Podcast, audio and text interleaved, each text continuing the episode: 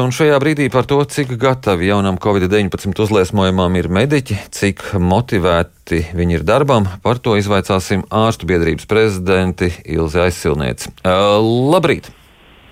Labrīt! Neatliekamās medicīniskās palīdzības dienesta vadītāja vakar sarunā ar mums nebija optimistiska, lūkojoties uz nākamajām nedēļām un nākamajiem mēnešiem, gaidot šo jauno covid uzliesmojumu. Kādu jūs saredzat situāciju? Nu, situācija mēs es nebūšu tik negatīva. Es domāju, ka Latvijas iedzīvotāji ir diezgan atbildīgi gan uzsākot vakcinācijas procesu, es domāju, ka vakcinācijas process kļūst atkal aktīvāks. Cilvēki ir sapratuši nepieciešamību pēc vakcinācijas. Um, tas ir viens.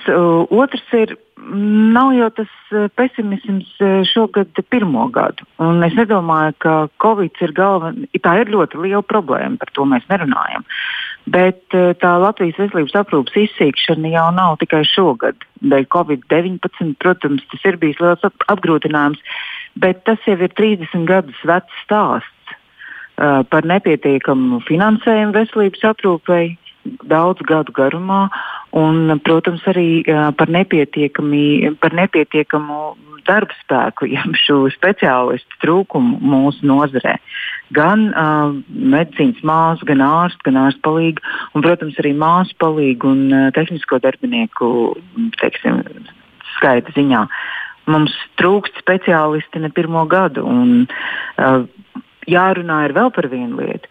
Par to, ka nav daudz gadu garumā mainīti tarifi un par to, ka paredzētā slodze vienam mediķim ir ļoti liela. Piemēram, tas, kā tiek aprēķināts eh, finansējums slimnīcām, cik paredzēts vienai māsai aprūpēt pacientus vai cik vienam ārstam paredzēts aprūpēt pacientus, tas nu galīgi nav atbilstoši mūsdienu standartiem Latvijā.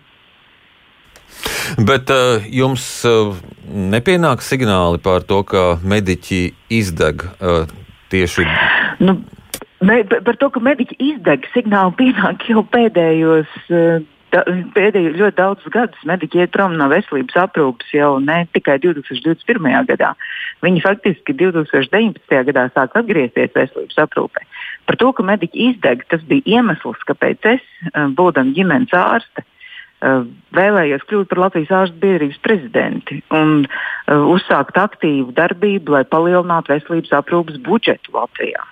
Tā jau ir galvenā problēma. Jā, bet es tieši jo... domāju šo apstākli, ka tagad mediķiem būs jācīnās ar šīm sekām dēļ kūtrās vakcinācijas procesa. Nu, tā vakcinācija tā ir viena lieta, bet nu, padomāsim par to, cik vispār veselības aprūpas budžetā trūks naudas. Mīļie cilvēki, un cik gadus viņas jau trūkst. Ne, ne, nevajag te covid, nevajag vakcināciju. Mēs bet, bez, ko, bez covid un bez vakcinācijas. Bet esam, budžets taču ir palielināts jā, bet, arī. Tā. Nu, viņš tiek palielināts, bet viņš jau netiek palielināts atbilstoši tam, cik daudz ir nepieciešama naudas vienu iedzīvotāju. Uh, veselības, mūsdienīgas veselības aprūpas nodrošinātāji. Paskatieties, cik ir Igaunijā, kāds ir Igaunijas pieaugums. Paskatāmies tepat uz Lietuvu, kāds ir pieaugums uz nākošo gadu plānots. Un kāds ir Latvijā nākošais gads plānots pieaugums? Par ko mēs runājam? Mums taču ir jādomā par to, ka, ja veselības aprūpē ir pietiekams finansējums, māsām ir pietiekama alga, viņa ir cienījama, mums ir darbinieki, darbinieki neiet projām. Uh, būsim godīgi, pavasarī jaunie ārsti teica, ja samazinās Covid piemaksas, kur paldies valdībai izpratnē pagājušā gada rudenī pēc um, 26. novembra vēstules tika iz, iz, nu, izveidots šīs te, um, princips, ka Covid um, nodaļās strādājošiem vai uh, visiem ļoti iesaistītajiem pacientu ārstēšanā mediķiem tika palielināts, bija šīs Covid piemaksas.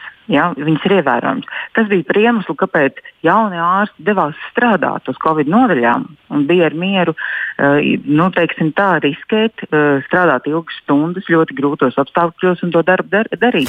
Jo uh, sakarīgs atalgojums jau ir arī motivējošs. Jā, bet uh, divas slimnīcas jau ir izsludinājušas ārkārtas situāciju. Mediķi izturēs šo jauno covid papildus spiedienu? Nu, ziniet, ko es domāju, ka nevajag būt tik negatīviem. Drīzāk mums ir jādomā par to, kas būs ar finansējumu tagad un nākošajā gadā. Man ir nedaudz bail, ka Covid-19 ēnā mēs aizmirstam par ļoti būtiskām problēmām veselības aprūpē kopumā 30 gadu garumā.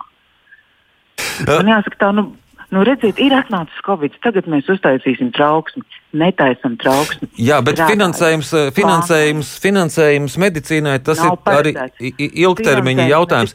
Vai jūs saredzat arī īstermiņa risinājumus kādus? Es saredzu īstermiņa risinājumus, turpināt piemaksāt par Covid darbu, kas tika tagad ir paredzēts atcelt. Tas ir jāturpina arī šogad. Un būs cilvēki, kas ir gatavi iet un strādāt ir jābūt kārtīgai eh, piemaksai par, COVID, par darbu Covid nodaļā un par darbu ar Covid pacientiem, gan primārajā aprūpē, gan nodaļās, gan lielajās slimnīcās īpaši. Viņiem vislielākās piemaksas pienāks. Un noteikti neatliekamajā, pa, nu, neatliekamajā palīdzības dienestā ir vajadzīgs piemaksas. Vajag domāt par to, kā motivēt cilvēkus, nevis uh, demotivēt un baidīt. Tas būtu mans liels ieteikums visiem Latvijas mēdījiem, arī Latvijas Rādio 1 lai jums jauka diena. Uz redzēšanos!